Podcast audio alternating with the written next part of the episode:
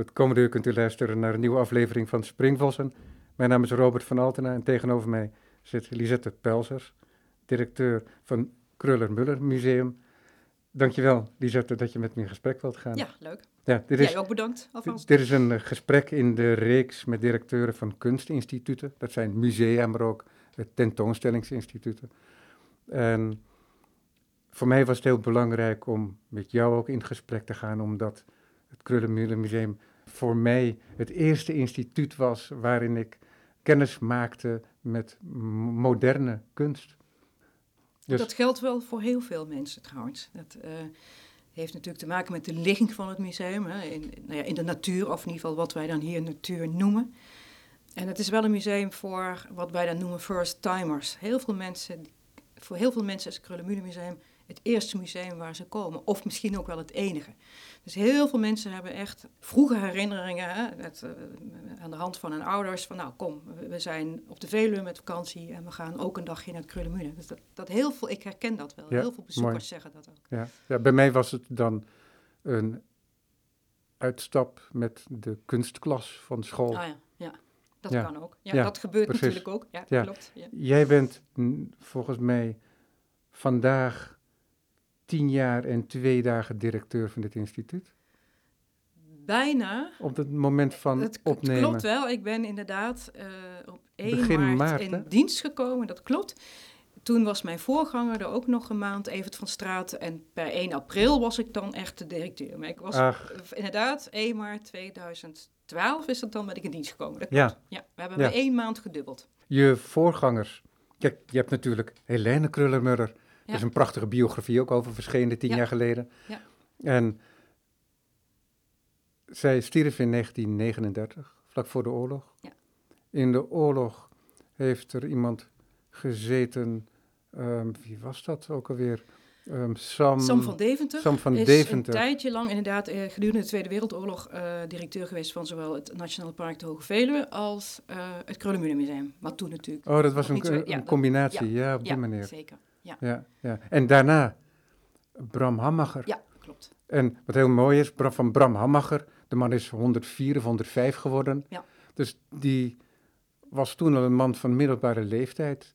1947 is volgens mij uh, een jaar of 16 directeur geweest. Ja, tot ergens halverwege, halverwege jaren 60 Misschien heb je het opgezocht, ja precies. 63 ja. is uh, Rudy Oxenaar begonnen. Ja, precies. klopt. Ja. En deze meneer Hammacher, die kreeg nog de gelegenheid om voor zijn honderdste verjaardag een, tentoonstelling te maken. De tentoonstelling die hij altijd nog een keer had willen maken. Hij publiceerde ook nog als, uh, als laat negentiger, begin honderd. Hij was uh, zeer actief. Ja, en het was hem dus gegeven ook om die tentoonstelling te maken. En dat was denk ik in 96 geloof ik. En dat was een, misschien 98. En dat was een tentoonstelling Picasso, Miro, Chihida en González een beelden tentoonstelling. En dat was natuurlijk ook. Ja. Grote namen uit de beeldhouwkunst. Ja, want hij is ook degene, deze meneer Hammacher, die voor de beeldentuin heeft gezorgd uiteindelijk. Aan Bram Hammacher hebben we inderdaad uh, te danken dat wij een museum zijn voor de beeldhouwkunst, want zo worden natuurlijk heel vaak gezien.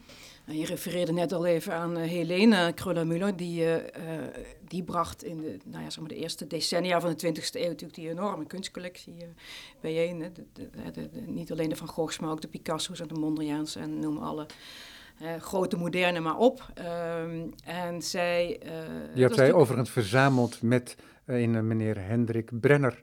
Ja, ze had een, Bremmer, was haar kunstadviseur, zoals ze hem noemde. En uh, ze, had, ze had heel goed in de gaten dat zij, uh, dat, dat verzamelen, dat dat, iets, dat dat een professionele activiteit moest zijn. Dat was voor haar geen hobbyisme.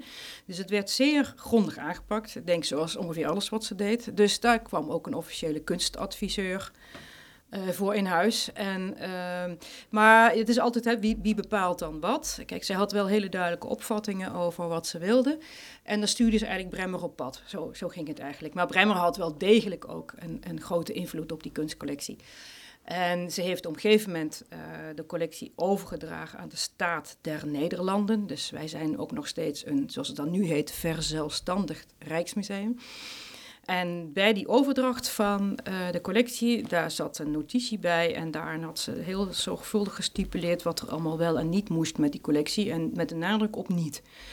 Want uh, ze vond eigenlijk het was af. Uh, zij had bepaald dat het zo moest zijn. En ik denk dat ze wakker heeft gelegen van alleen het idee dat haar opvolgers iets aan die collectie zouden toevoegen wat zij eventueel niet zou accorderen. Er mocht wel nog per godsgratie iets worden toegevoegd van kunstenaars die er al waren. Maar alles wat nieuw was, daar, had zij, daar kon zij natuurlijk niet meer haar stempel van goedkeuring aan hechten. En toen kwam Hammacher dus inderdaad uh, een paar jaar na de oorlog uh, hier als directeur. Dat is natuurlijk buitengewoon ingewikkeld, want dat moet je daar dan mee. Het, het had niet echt een rechtsgeldigheid.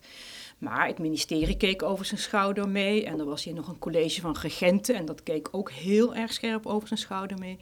Bremmer zat nog in dat college. En die bewaakte natuurlijk die nalatenschap van Helena als een soort Cerberus. En uh, daar heeft hij zich eigenlijk heel listig uh, uitgemanoeuvreerd door te denken, ja, uh, ze heeft het eigenlijk alleen maar over schilderkunst. Want dat was natuurlijk hè, de, de, kern van haar verzameling. Hè, die, die ontwikkeling van de schilderkunst vanaf 1850 tot ongeveer in haar tijd. Ze heeft niks over beeldhouwkunst gezegd. En toen is hij dus begonnen, ze had ook al wat beelden gekocht hoor. Toen is hij begonnen met het accent in het verzamelbeleid te verleggen van die schilderkunst naar de beeldhouwkunst. En hij wilde eigenlijk een collectie beelden aanleggen die uh, parallel of die, die van gelijke waarde zou zijn als uh, de collectie schilderijen van Helene. En daar is hij natuurlijk wonderwel in geslaagd. En zijn ultieme doel was inderdaad de beeldentuin die in 1961 uh, eh, is geopend. Dat, daar wilde hij eigenlijk naartoe. En het is er nou heel veel gedoe en getrek en, en uh, gezeur om geld natuurlijk, is hem dat gelukt. Ja, achteraf weet je dat niet meer en zie je het ook niet meer, maar je ziet alleen maar die prachtige, ja. dat prachtige beeldenpark, want we kunnen het een tuin noemen, maar het, uiteindelijk is het natuurlijk een, een, beelden, ja, officieel een beeldenpark. Tuin. Maar ja. goed. Wat interessant is daaraan ook, aan die uitbreiding van die collectie en het buiten de muren treden ook van het museum, is dat daarop gereageerd werd vervolgens door Rudy Oxenaar, die hem opvolgde. En die uiteindelijk met Wim Quist in zee gaat. En Wim Quist heeft een nieuw ontwerp gemaakt. En het nieuwe ontwerp is eigenlijk tegengesteld, zou je kunnen zeggen, aan dat van Henri van der Velde. Henri van der Velde, die ook wel een villa heeft ontworpen, volgens mij al voor Helene Krullenmuller oh, ja, in de jaren dertig. Ja, ja, en hij kreeg ook de opdracht om hier dat museum te maken. Dat heeft hij ook gedaan. En dat is ook een mooi gebouw. En in de jaren zeventig komt er dus een uitbreiding van Wim Quist. En die, ja, dat is een soort Dan Graham. Hè? Het is een uh, lange, lange gangen met glazen plint. Ja.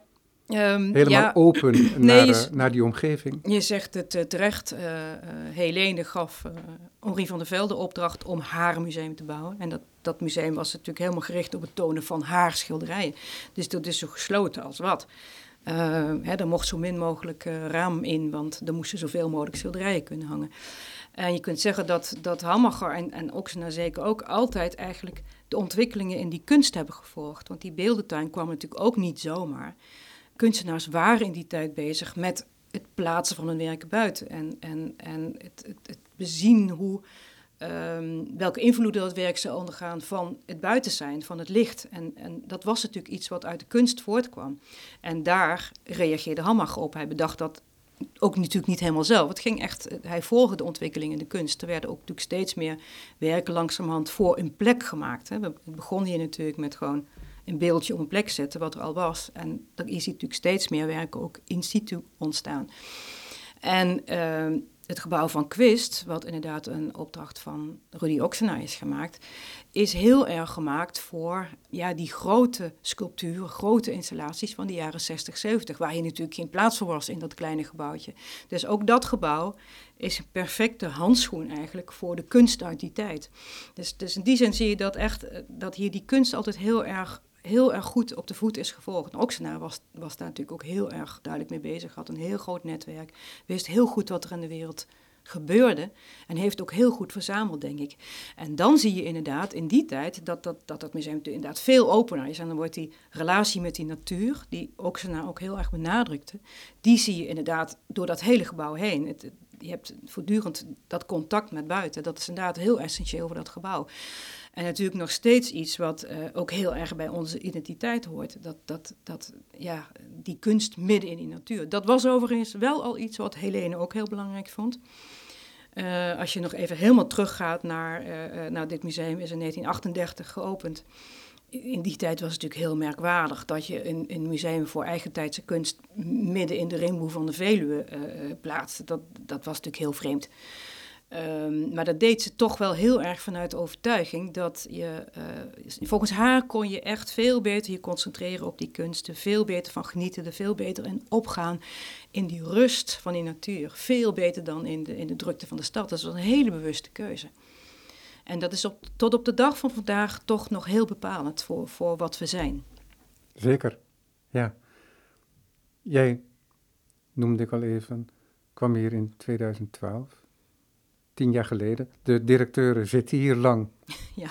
Dus het is een prettige plek om te werken, kennelijk ook. Ja, dat, dat, zeker. Uh, nou, niet alleen de directeuren zitten hier lang, eigenlijk zit iedereen hier best wel lang.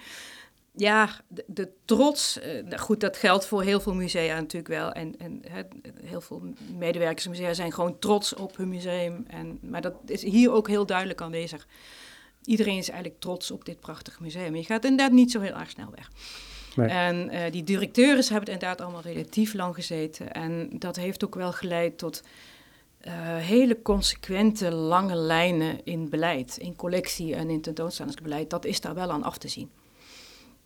Ja, dat is mooi. Dat is een kwaliteit. Ik vind dat zelf een heel groot goed. Ja, ja zeker. Ja. ja. En als we dan naar jouw pad gaan kijken door de kunst. Jij hebt kunstgeschiedenis gestudeerd. Ja, zoals het hoort. Ja, en wat, uh, wat was jouw afstuderen? Oh, nou, ik, ik, ik heb in Nijmegen gestudeerd, uh, uh, zeg maar eind jaren 70, tweede helft jaren 70. Um, ehm, en dat was toch nog wel een beetje de rode tijd in, op de Nijmeegse Universiteit. Dus um, ja, dat, traditionele onderwijs, dat vonden we als studenten toch ja, inderdaad te traditioneel. Dus um, er werd ook heel erg gekeken naar, het moest allemaal maatschappelijk verantwoord zijn en maatschappelijk relevant. Heel erg gekeken naar ja, allerlei, nou ja, allerlei contexten die de kunst kan hebben. De, de kunstgeschiedenis als, als puur uh, geïsoleerde discipline, dat, dat, uh, ja, dat kon niet in die tijd. Ja, nou, we zitten nu weer in een ehm, nieuwe golf. Nee, absoluut. Die weer heel erg karakter Die heel herken, die, dus wat dat betreft heel herkenbaar. Het ging toen over anderen. Het was natuurlijk, natuurlijk toch vrij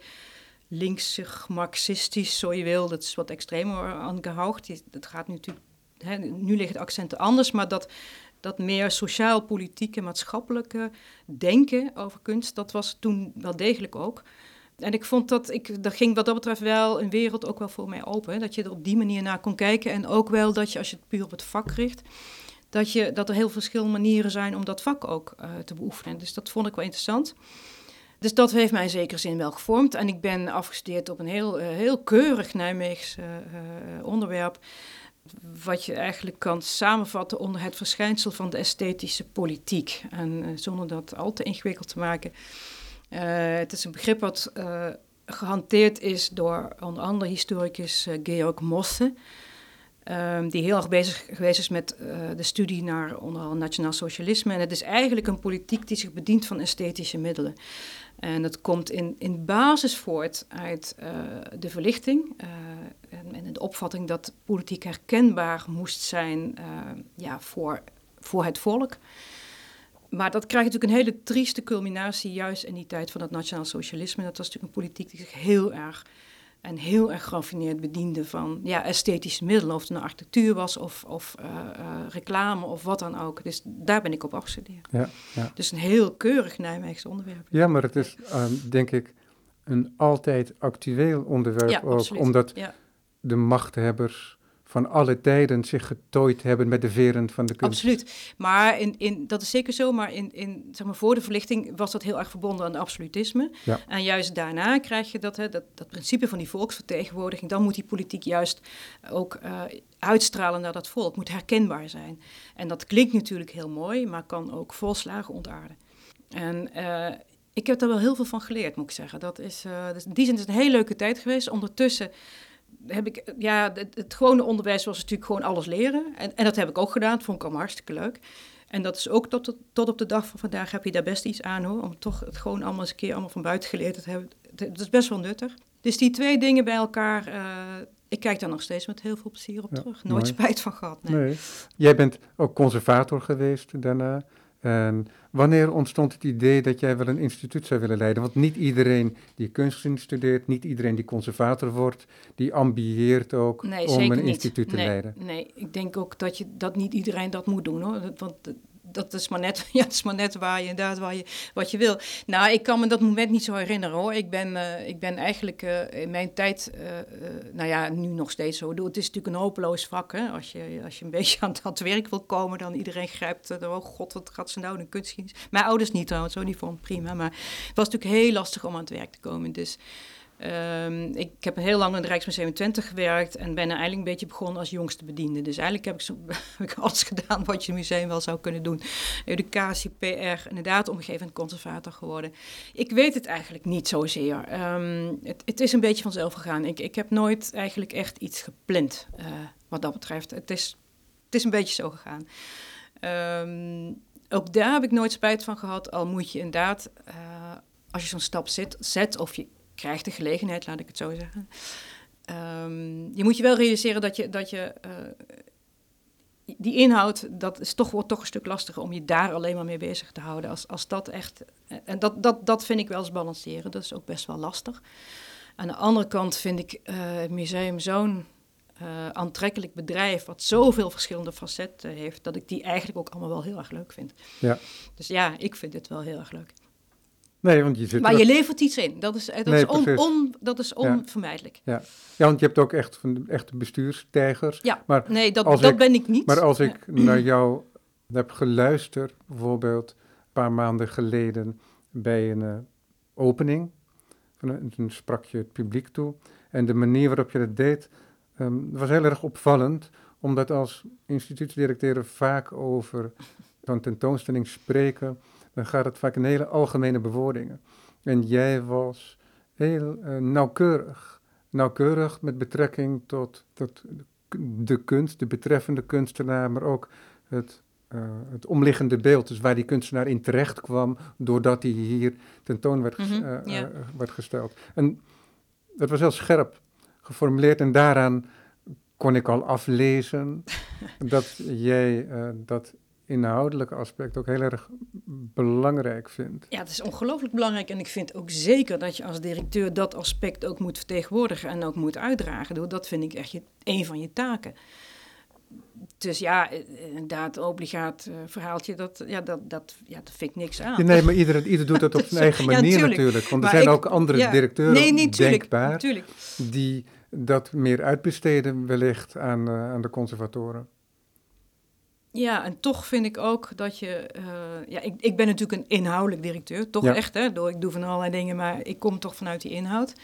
Ik vind dat toch wel heel wezenlijk.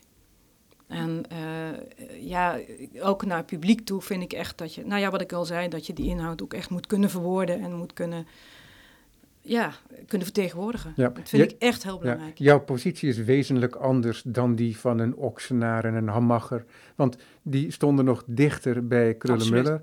En dit museum is door al die mooie uitbreidingen en door al het werk van je voorganger, zou je ook kunnen zeggen, ook een historisch monument geworden tegelijkertijd. Dus het is actueel en historisch. Hè? Dat treft alles wat met het moderne samenhangt. Ja. En dat maakt het tot een ander instituut. Dan? Nou, dan een, eh, dan, um, een instituut dat met een collectie bezig is die nog heel erg in het hedendaagse verankerd zit. Maar weet je, je kunt zeggen, Van Gogh is nog steeds in het hedendaagse verankerd. Het is nog steeds actueel, maar het is ook gehistoriseerd. Het is ook historie, natuurlijk. Ja. En dat is iets wat zich ontwikkelt in de loop van de tijd. Hè? Maar je probeert natuurlijk nu om die collectie verder te zetten. Je, blijft, je probeert natuurlijk niet bij die historie te blijven hangen. Je probeert natuurlijk wel iedere keer die collectie weer te actualiseren. Dat is niet altijd gemakkelijk, maar dat is wel... Dat is natuurlijk wel je taak. Precies, en daar, daar wil ik het nu graag met je over hebben. Namelijk, want het lijkt heel vanzelfsprekend om, dat voor te zetten. Nieuwe werk aankopen, andere tentoonstellingen. Maar daar moet je toch een bepaald idee voor hebben. Het is niet zo dat je jezelf blind doet dat je denkt van nou, dit vind ik leuk vandaag en dan doen we dat. Dus er, eh, heb je daar voor jezelf iets voor moeten formuleren om te zien, tot tien jaar geleden, wat je met dat museum wilde? Ja, natuurlijk, daar heb je ook wel even tijd voor nodig.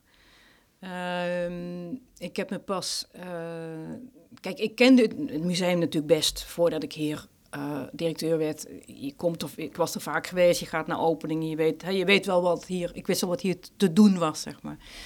Uh, maar echt je verdiepen in inderdaad zo'n geschiedenis van wat is er nou precies gebeurd, wat voor stappen zijn er gezet, wat vond een Helene, wat vond een Bram Hammacher. Dat, dat, dat moet je wel, dat moet je op de een of andere manier moet je dat tot je nemen, moet je dat verwerken. En ook hoe zit die collectie nou precies in elkaar? En dat is me wel steeds duidelijker geworden, zeg maar.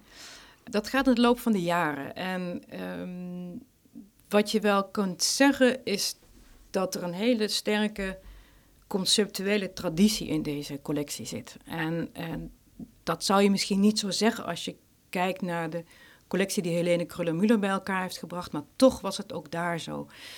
Als je het zeg maar met een naoorlogse terminologie zou willen duiden, dan kun je zeggen het, het, het, het Dionysische ontbreekt. Er ligt een hele sterke nadruk op ja, het Apollinische, als, je als ik dat zo mag zeggen. Ja.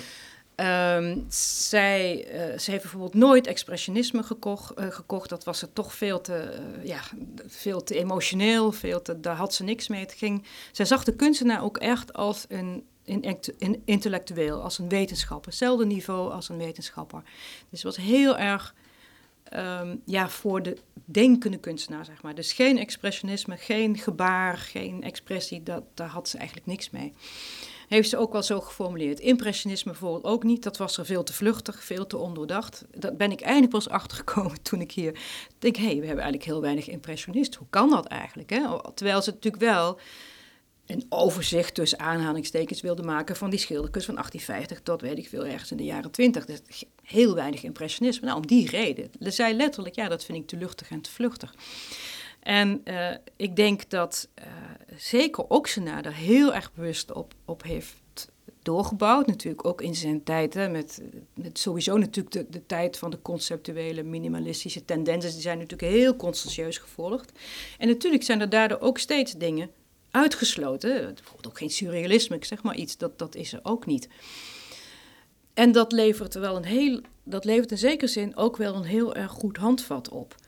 Er zijn natuurlijk nog steeds kunstenaars die zich, uh, waarvan je kan zeggen dat die zich uh, als persoon en qua attitude uh, en opvattingen in hun werk heel erg verhouden tot die traditie. En natuurlijk op een eigen tijds manier. En dat is telkens weer anders. Dat maakt het natuurlijk ook heel interessant. Maar juist die verbindingen vind ik zelf ongelooflijk interessant. En, um, en het is, vind ik dan wel heel prettig dat je een heel duidelijk kader hebt. En je ook heel gemakkelijk kan zeggen: nee, dat doen we niet, want dat doen ze al ergens anders. En dat, dat vind ik eigenlijk heel prettig. Um, Zo'n collectie vormt een heel mooi. Uh, en natuurlijk kan je allerlei dwarsverbanden. Het, het is niet zo rigide misschien als het nu lijkt. Maar je, alles wat je binnenhaalt, refereer, refereer je toch iedere keer weer aan die collectie. En waarom doe je het eigenlijk? En het kan ook best wel eens een keer een contrapunt zijn. Maar dan nog heeft het ermee te maken. En dat vind ik heel prettig. Dat kan ik me voorstellen. Ja.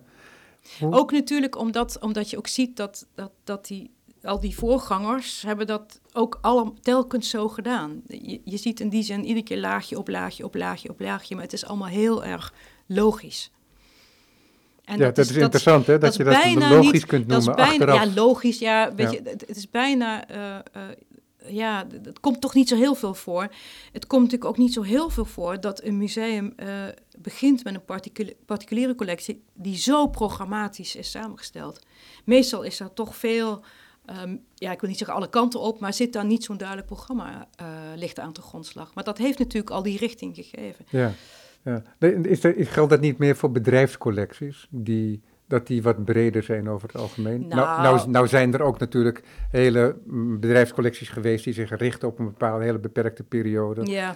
Maar... Nee, maar ik bedoel, particulieren hoeven zich natuurlijk... Hè, die hebben geen collectieplan, hè? Die, die hoeven zich nergens aan te houden. Dus die kunnen natuurlijk van alles verzamelen.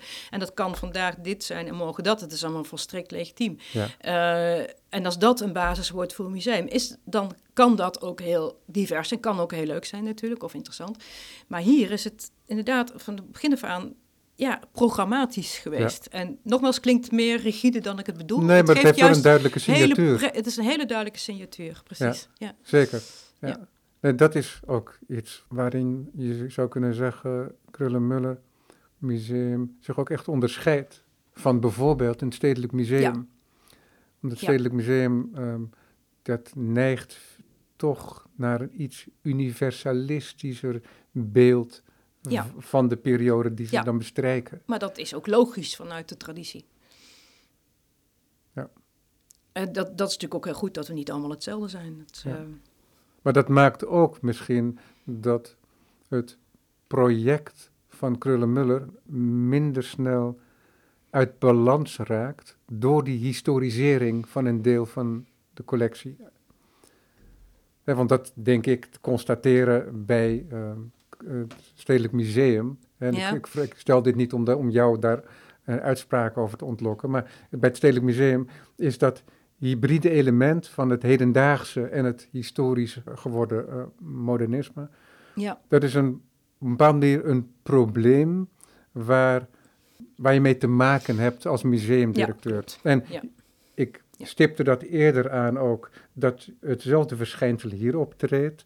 Maar je zou kunnen zeggen, om de redenen die je zojuist aangaf, om het karakter van de collectie, mhm. dat dat probleem zich hier in ieder geval zeker niet op dezelfde manier aandient, maar ook niet aandient in de vorm, zou je kunnen zeggen, van wat je wel zelfs een crisis zou kunnen noemen.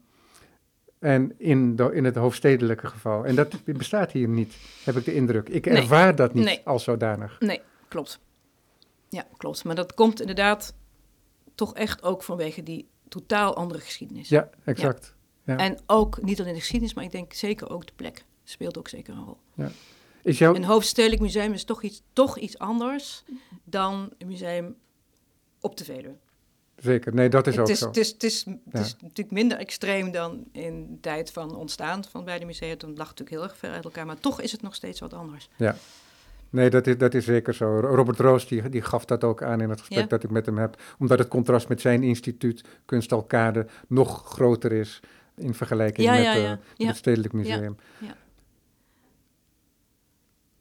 Die vanzelfsprekendheid waar je het over hebt, over die opeenvolging van directeuren en hun bijdragers aan, aan dit instituut die zijn in het hedendaagse niet altijd even vanzelfsprekend, want jij als directeur moet proberen daar jouw antwoord op te formuleren. Hè, met de tentoonstellingen die je organiseert, historische tentoonstellingen soms. Hè. Ik herinner me dat ik hier was en ook jou gesproken heb over een Barbara Hepworth tentoonstelling. Ja, oh ja, Barbara Hepworth, die, daar kijk je op uit ook hier uh, vanuit je kantoor.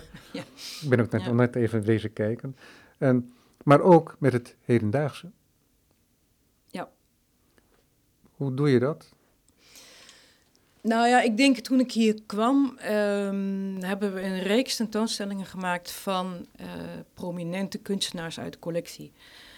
En ik moet zeggen dat dat ook wel was, omdat er sterke behoefte was om tentoonstellingen te maken die ook niet alleen met de collectie te maken hadden, maar die ook wel publiek, iets meer publiek zouden genereren. Um, iets meer aantallen ook. Maar dan wel op een manier die uh, inhoudelijk gewoon klopte. Dat doen we eigenlijk nog steeds, die zeg maar meer historische tentoonstellingen. We gaan. Uh, het blijft ook belangrijk. Het blijft belangrijk, absoluut. Eh, en, maar dat doen we eigenlijk toch alleen maar. Um, wanneer er wel sprake is van iets nieuws, wanneer er een, een onderzoek is geweest, wanneer je toch iets nieuws kan vertellen. De zoveelste tentoonstelling over Hepworth of over Seurat hebben ook gedaan, of over Léger gaan we doen. Um, dat is natuurlijk niet interessant, want dat gebeurt al overal. Hè? De, de, de, de term overzichtstentoonstelling, die gebruiken we hier ook niet. Ja, dat laten we als iemand vallen, maar dan zeg ik nee, dat is geen overzicht, dat doen we niet. We doen het als er echt inderdaad iets nieuws vertellen valt over zo'n persoonlijkheid uit de collectie. Dus nou ja, goed, dat is eigenlijk al Hepworth, Seurat hebben gedaan, uh, Redon, toch, toch ook heel verschillende kunstenaars natuurlijk. Uh, we gaan in 2023, dat is al volgend jaar, uh, tentoonstelling maken over het futurisme. En daar gaat het heel sterk over uh, de interactie tussen het futurisme en al die andere avant-garde bewegingen in die eerste decennia of eerste jaren van de 20e eeuw. Daar is eigenlijk ook nog nooit in die zin aandacht aan besteed. Komt natuurlijk ook omdat dat futurisme vaak ook beschouwd is, een beetje weggezet is natuurlijk ook als een soort min of meer geïsoleerd fenomeen. En het blijkt nu dat er heel veel samengewerkt is tussen kunstenaars uit al die groepen. En dat willen we laten zien. En dat voegt natuurlijk ook wel iets toe. Futurisme is hier wel een aandachtspunt. Omdat uh, dat ontbrak in de Helene Kruller-Müller collectie. En ze, uh, ondanks het feit dat er niks aan worden mocht, mocht worden gevoegd, wat ik net zei. Ze constateerden, ja, dat futurisme, dat heb ik eigenlijk gemist. Dus eigenlijk kan daar nog wel iets bij. Dus we hebben inderdaad ik heb ook een paar futuristische werken aangekocht. En we zijn eigenlijk het enige museum wijd en zijd nu wat gewoon dat futurisme kan laten zien. Dus dat leidt tot die tentoonstelling.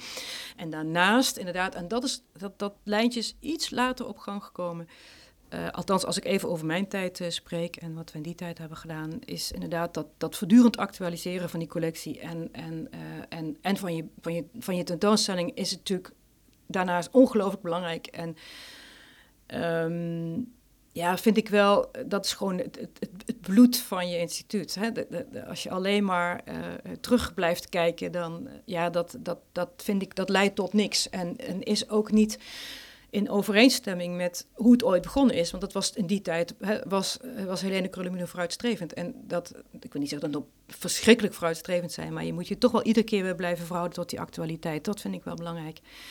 En uh, nou ja, ik had het net over die plek uh, hier. Um, de Veluwe, het lijkt hier natuurlijk een soort, hè, een soort, soort, soort paradijs. Hè. Je, het is, ja, de zon schijnt, het is prachtig weer, maar ook als het, als het dat niet is. Mensen komen hier toch binnen met een soort, ja, alsof ze in een soort reservaat bijna binnenkomen. Het is een soort enclave. Maar goed, de wereld hè, eh, gaat natuurlijk gewoon door. En dan moet je, daar moet je toch wel iedere keer toe verhouden. En dat is inderdaad anders dan wanneer je in de stad ligt, maar toch. Dus we zijn altijd op zoek naar kunstenaars die, um, ja, die een standpunt innemen, ik zei dat al, ten opzichte van die collectie. En die je kan verbinden. En dat kan natuurlijk nooit. Uh, je kan zeggen dat in de tijd van Oxenaar had je natuurlijk nog hele duidelijke, dat was heel duidelijk natuurlijk, hè, dat was een heel dominante stroming in de kunst en die werd ook gevolgd. Ja, dat was, het was overzichtelijker in die tijd. Het was veel overzichtelijker, ja. dus het is natuurlijk veel moeilijker nu. Die diversiteit is natuurlijk enorm en we hebben ineens de hele wereld. Hè, het is niet alleen, hè, je moet ook even wel heel goed constateren dat in die tijd was het natuurlijk allemaal westers. Hè? Dat, dat moet je echt vaststellen dat deze collectie echt tot stand gekomen is met, het impliciete, met de impliciete overtuiging dat die westerse kunst dominant was. De rest werd natuurlijk niet gezien. Nee, maar het is natuurlijk ook zo. Kijk, de, de kunstwereld zoals wij hem nu kennen, is ook een westers concept. Zeker. Dus ja. dat kun je, dat, die kun je niet kwalijk nee, nemen. Nee, dat doe ik ook niet. Dat nee, die, zeker, maar, dat, nee. die, dat die westers is en dat de tijd verandert en dat dat mee moet bewegen, dat is natuurlijk wat anders. Daar ben ik het ook mee eens. Ja, zeker. Maar, ja. maar goed, ja. Maar dat bedoel Ik ik, dus de, wereld is... Nee, ja. ben ik helemaal met je eens. Ik zeg ook niet dat het fout was. Nee, dat, dat, is- dat, absoluut niet. Dat- maar je hebt nu een ander, je staat nu wel anders in de wereld. En die wereld is natuurlijk veel groter geworden. Daardoor wordt het ook ingewikkelder. Maar wel, eh, ja, je moet het wel doen. En hoe ga je op zoek naar die nieuwe connecties? Ja, dat is, eh, dan kom ik weer op die inhoud terecht. En hoe ver kan je als directeur, die je nog een heleboel andere dingen ook moet doen, eh, je kan je daar niet continu toe verhouden. Hè? Dat is onmogelijk. Eh, ik kan niet alles zien wat er in de wereld gebeurt. Dus je hebt daar... Lijkt me ook heel onverstandig. Nee, nee los, daarvan. Maar laat ik zo zeggen, ik, dat ik minder kan zien dan ik zou willen. Dat, dat moet je wel vaststellen. Dus je hebt daar ook gewoon impulsen in je organisatie voor nodig. Jonge mensen die dingen wel zien en die dingen inbrengen. En die ook gevoel hebben voor deze collectie. En, en, en soms ook wel via kunstenaars die, eh, die, die, al, die al aan je verbonden zijn. Die ook eh, iets op gang brengen, ook dingen aandragen. En daar, ja, daar moet je een open oog voor proberen te houden. En dan iedere keer weer moet je dat ook weer terug kunnen brengen tot, ja, kun je er dan ook echt hier iets mee? En ik moet iedere keer weer vaststellen dat we eigenlijk veel meer willen dan, dan we kunnen. Eh, want we hebben eh, echt ook maar een heel klein museum. Al zou je dat misschien Ja. niet zeggen, maar het oppervlak is Maar echt dat is alleen klein. maar een goed teken, denk ik. Dat we meer willen dan we kunnen. Ja, want dat zegt iets over, over je, ambi over je ambitie, over ambitie maar tegelijkertijd ook over een zin om dat museum te laten, ja, uh, te laten leven. Nee, dat klopt. Ja, dat is zeker zo. Ja. En ja, dus er moet altijd meer gewild worden dan, dan ik, nee, dat is, denk ik uiteindelijk. Ja. Maar ik schrik er wel eens van als je dan denkt, oh ja, we zouden dit, we zouden dat, dan heb je zo'n soort programma en voor je het weet ben je vier jaar verder. Ja, weet je? ja dus maar ook, dat, ook datgene, gaat heel, dat gaat heel want hard. ook datgene wat je niet kunt realiseren, denk ik, is dat zie ik dan weliswaar niet als bezoeker, maar dat resoneert toch door in de, project, in de, in de projecten die je doet, in de keuzes die je maakt, in de manier waarop je dat verband met het hedendaagse formuleert. Ja, dat klopt. Dus in die zin is het ook datgene wat je, wat je niet wat doet, je is niet ook ziet, wel belangrijk. Eh, nee, dat heeft, is, heeft toch een soort actieve, actieve functie. Ja. ja. En dat legaat van Helene Krullenmuller. Dat was vrij scherp geformuleerd. In ieder geval aan die kant waar de rode lijntjes stonden. Dit gebied mag, niet, meer aan, mag niet meer betreden worden. en daar houd je je niet meer aan. Maar niet hoe, meer. wat voor betekenis heeft né, dat legaat nog, zoals dat door haar geformuleerd is, voor de huidige directeur die jij bent? Maar je bedoelt die scherpe lijnen of inhoudelijk? Ja, inhoudelijk, inhoudelijk maar ook datgene nou ja, wat, wat, niet, wat niet mag. Kijk, we daar houden we ons natuurlijk al lang niet meer aan. Ja. Uh, wat dat ben ik niet uh, de eerste schuldige. dat is natuurlijk ja. al veel eerder gebeurd. Het is wel zo overigens, dat, uh, dat realiseren veel mensen zich ook niet, dat dit museum nooit schilderkunst heeft verzameld. Dat is wel nog een uitvloeisel daarvan. Um, de nadruk heeft altijd heel erg gelegen op die sculpturale traditie. Hè, de, je krijgt natuurlijk installaties, nou ja, allerlei andere vormen van, van kunst, maar niet, het is nooit, we hebben wel schilders in huis, maar nooit, dat is nooit geweest primair om de schilderkunst. We hebben bijvoorbeeld een mooie serie van Ellsworth Kelly, ik noem maar iemand. Dat is niet gekocht omwille van de schilderkunst, maar om zijn positie binnen dat modernisme, minimalistische schilderkunst. Dat, dat was de invalshoek. Maar het is eigenlijk ook een uitzondering. Uh, en dus eigenlijk ook wat ik, iets wat ik me ook pas echt heel goed heb gerealiseerd. Dat, dat ontbreekt echt. We doen dat nu weer wel overigens. We hebben toch weer een kleine beweging teruggemaakt. Omdat we toch ook willen gaan kijken naar eigentijdse schilders die ook die hele conceptuele attitude hebben ten opzichte van dat medium. Uh, dat wat, wat is schilderkunst en die dat onderzoeken de tentoonstelling waar je het net over had, die opening de tentoonstelling van Steven Aders, dat is daar een heel mooi voorbeeld van. Die eigenlijk heel erg goed aanknoopt bij dat modernisme, maar daar een, een hele persoonlijke interpretatie van geeft, die ik heel interessant vind. Dus nou, dat soort kunstenaars zijn op zoek. Dus we zijn nu uit die, ja, die grenzen zijn niet meer zo. Uh, ik, ik vind dat ook. We zijn nu, hè, we zijn uh, meer dan uh, nou, 100 jaar verder dus ik ervaar dat niet meer als een, als een corset. Ja. Uh, ja, nee, ik, ik, ik, noem het omdat jij bij die opening, en, maar ook in het gesprek merk je dat toch wel, dat ook al is het geen harde grens meer, toch helpt het ja. elke directeur die sinds haar hier positie heeft gehad, en dat geldt voor jou ook, helpt het die directeur om de keuzes te motiveren. Want die keuzes moet je toch altijd motiveren ten opzichte van bepaalde piketpaaltjes die uitgezet zijn. Nee, maar dat doe je zeker. En in die zin zou je kunnen zeggen dat het grote museum met dubbel O in oude spelling, die zij ooit voorzag, maar die door eh, de crisis van 29 uiteindelijk niet meer... Ja, eerder al hoor. Eerder al. Eh, maar die, door, die uiteindelijk door... Het geld was gewoon op. Het geld was op en die niet gerealiseerd kon worden. Het gemeentemuseum zou ook, eh, daar bestond ook een tekening van die nog een keer zo groot was volgens mij. Ja, klopt. Dus dat grote museum, zou je kunnen zeggen, dat is in de tijd. Is ehm, het er wel gekomen? Komt dat er uiteindelijk toch, en, maar op een hele mooie, ondanks het feit dat het een Apollinisch museum is, organische, organische manier eigenlijk. Ja. Nee, dat is zeker waar. Dat zei ik net ook. Van het, het, het, geeft een soort kader. En inderdaad, alles wat je doet, doet je daar toch wel aan. Ja. En, uh, dat is toch een kwaliteit En het leidt ook tot geweest. een conclusie. Ja, ook zeker. Die, uh, die duidelijke omleiding, ja. die zij samen, gewoon vanuit haar eigen karakter ongetwijfeld, maar ook in ook, overleg met, uh, met Hendrik Brenner um, ja. heeft geformuleerd. Dat, we, we, doen er ook wel een beetje gekscherend over natuurlijk, omdat het zo streng is. Maar tegelijkertijd is het ook mooi. Het heeft ook iets heel moois. Het heeft een enorme kwaliteit daardoor ook ja, gekregen. Dus niet alleen, dus het is niet alleen een soort wand die neergezet wordt en hier voorbij komen we niet.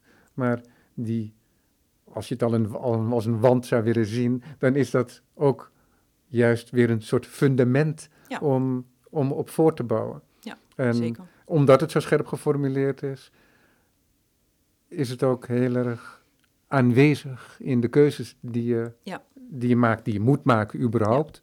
En dat is eigenlijk. Maar dat zie je dus inderdaad door die hele geschiedenis. Heel erg mooi is dat. Dat heb ik me nog nooit eerder zo duidelijk gerealiseerd. En jouw woorden bij die opening, maar ook vandaag, die, ja, die verhelderen dat heel erg voor mij.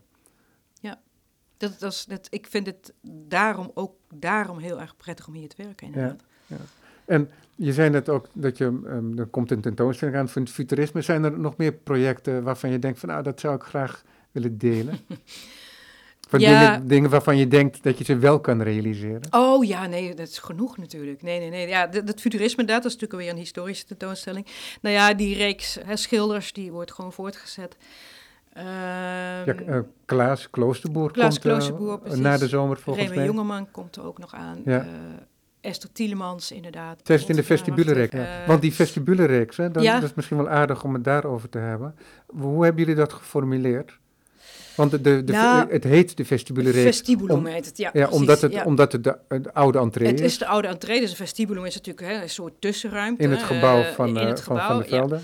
Ja. Uh, nou, het, eigenlijk is het uh, een heel praktisch uitgangspunt geweest.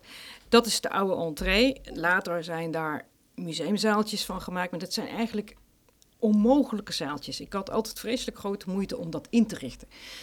En op een gegeven moment dacht van ja, we doen alsof het museumzalen zijn, maar je ziet aan alles af dat het dat, het dat niet zijn. Het, is, het zijn hele ongemakkelijke ruimte wat dat betreft. Toen we dat gaan we ze ook maar verbijzonderen.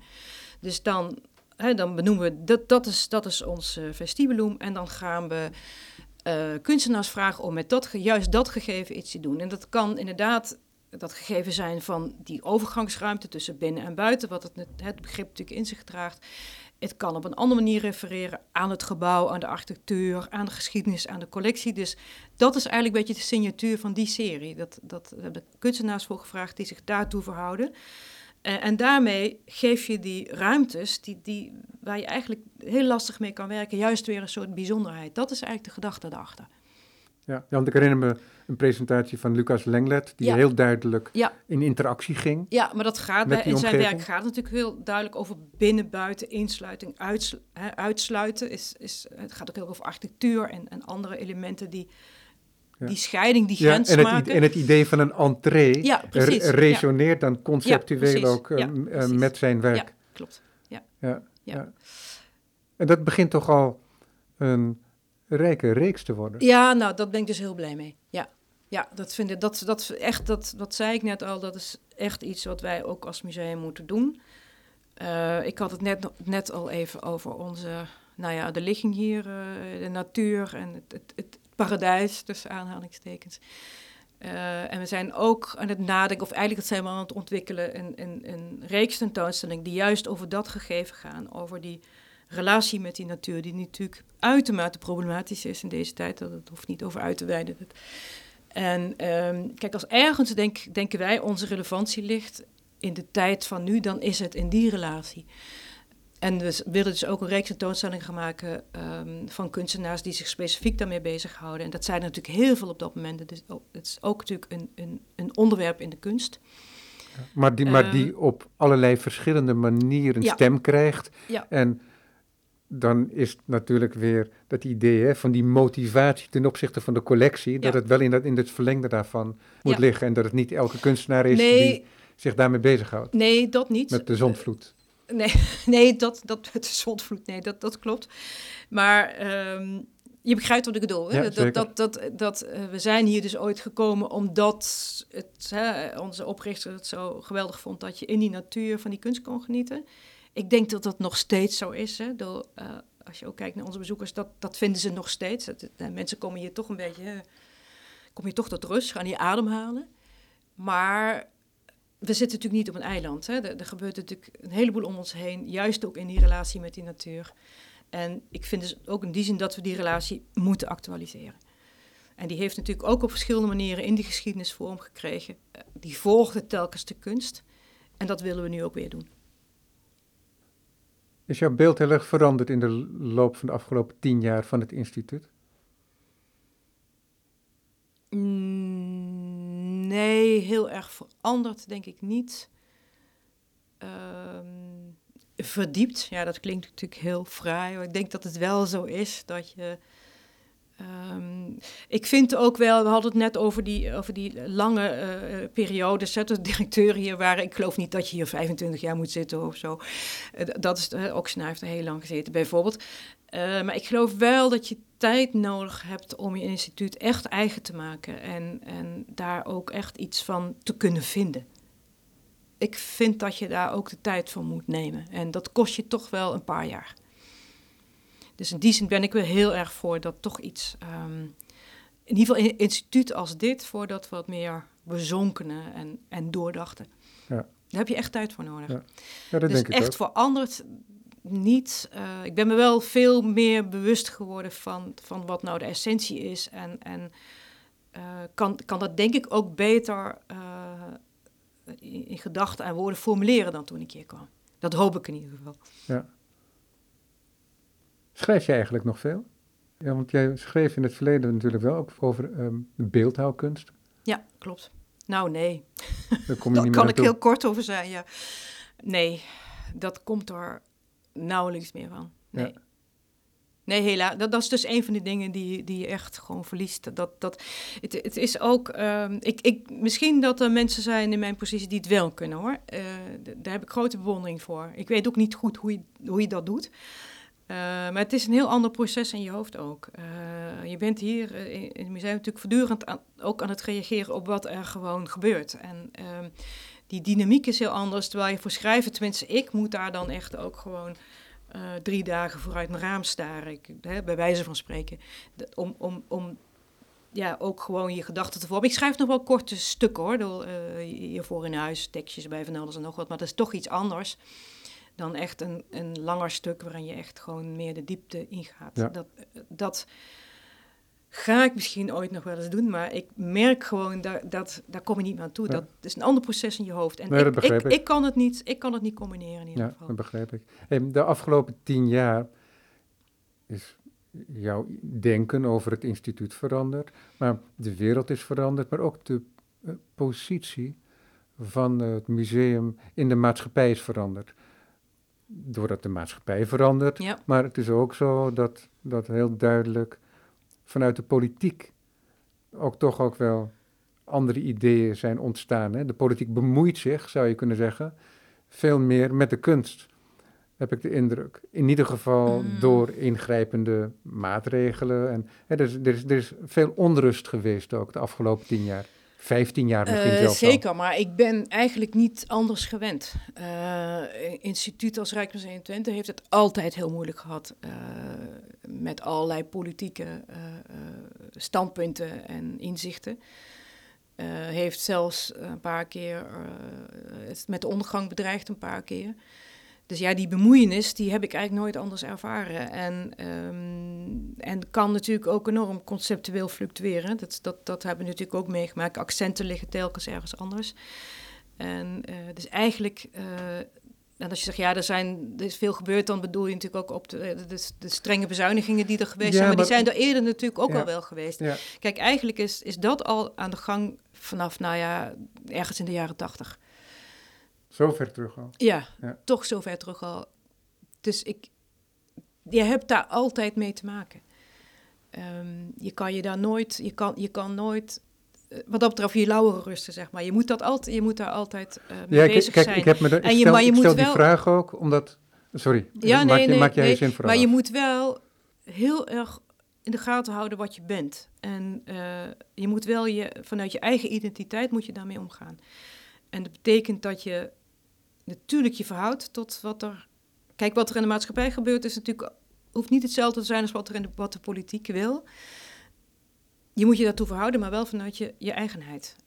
Um, moet je daarmee omgaan. Ja, ja, want wat ik... En dat betekent ook niet met alle winden meewaaien. Nee, precies, want dat is wat, je toch, wat ik toch zie ook gebeuren in de kunstwereld, bij de makers, maar ook bij instituten, dat het geld wordt gevolgd. De politiek die formuleert bepaalde eisen En dan ehm, heb, je, heb je de grote fondsen die uh, dat echoen. Ja, klopt. En dan, dan uh, zie je, dat kun je toch echt constateren. Klopt. Ik ga nu geen namen noemen, maar dat het geld wordt gevolgd. En ja. dat is een bepaald opportunisme in de overlevingsstrijd, Precies. zeg maar. Ja, dat... En in die zin kun je zeggen dat uh, de langere lijnen en het weghalen, laten we zeggen, van de toppen van de golven, een hele grote kwaliteit is. Ja, dat klopt. Nee, kijk, het, het is heel gemakkelijk om te zeggen van, we doen daar niet aan mee, hè? want ik zie heel goed musea, je moet wel. Ja, wat jij zegt, dat geld volgen, ja, dat is pure overlevingsstrategie. Dus snap ik heel goed, zal dat ook nooit veroordelen. Um, maar ik heb ooit bij een radiozender gewerkt. Dat begrijp ik maar al te goed. Uh, die op een gegeven moment geen radio meer maakte, ja. omdat het geld naar internet ging. Ja, ja. Ja, ja, precies. Maar kijk, ik, je, je zegt het heel goed. Kijk, ik, wij kunnen ons veroorloven om daar iets op meer afstand mee om te gaan. En dat is zeker een groot goed. Maar ik realiseer me heel goed dat niet iedereen dat kan. Ja.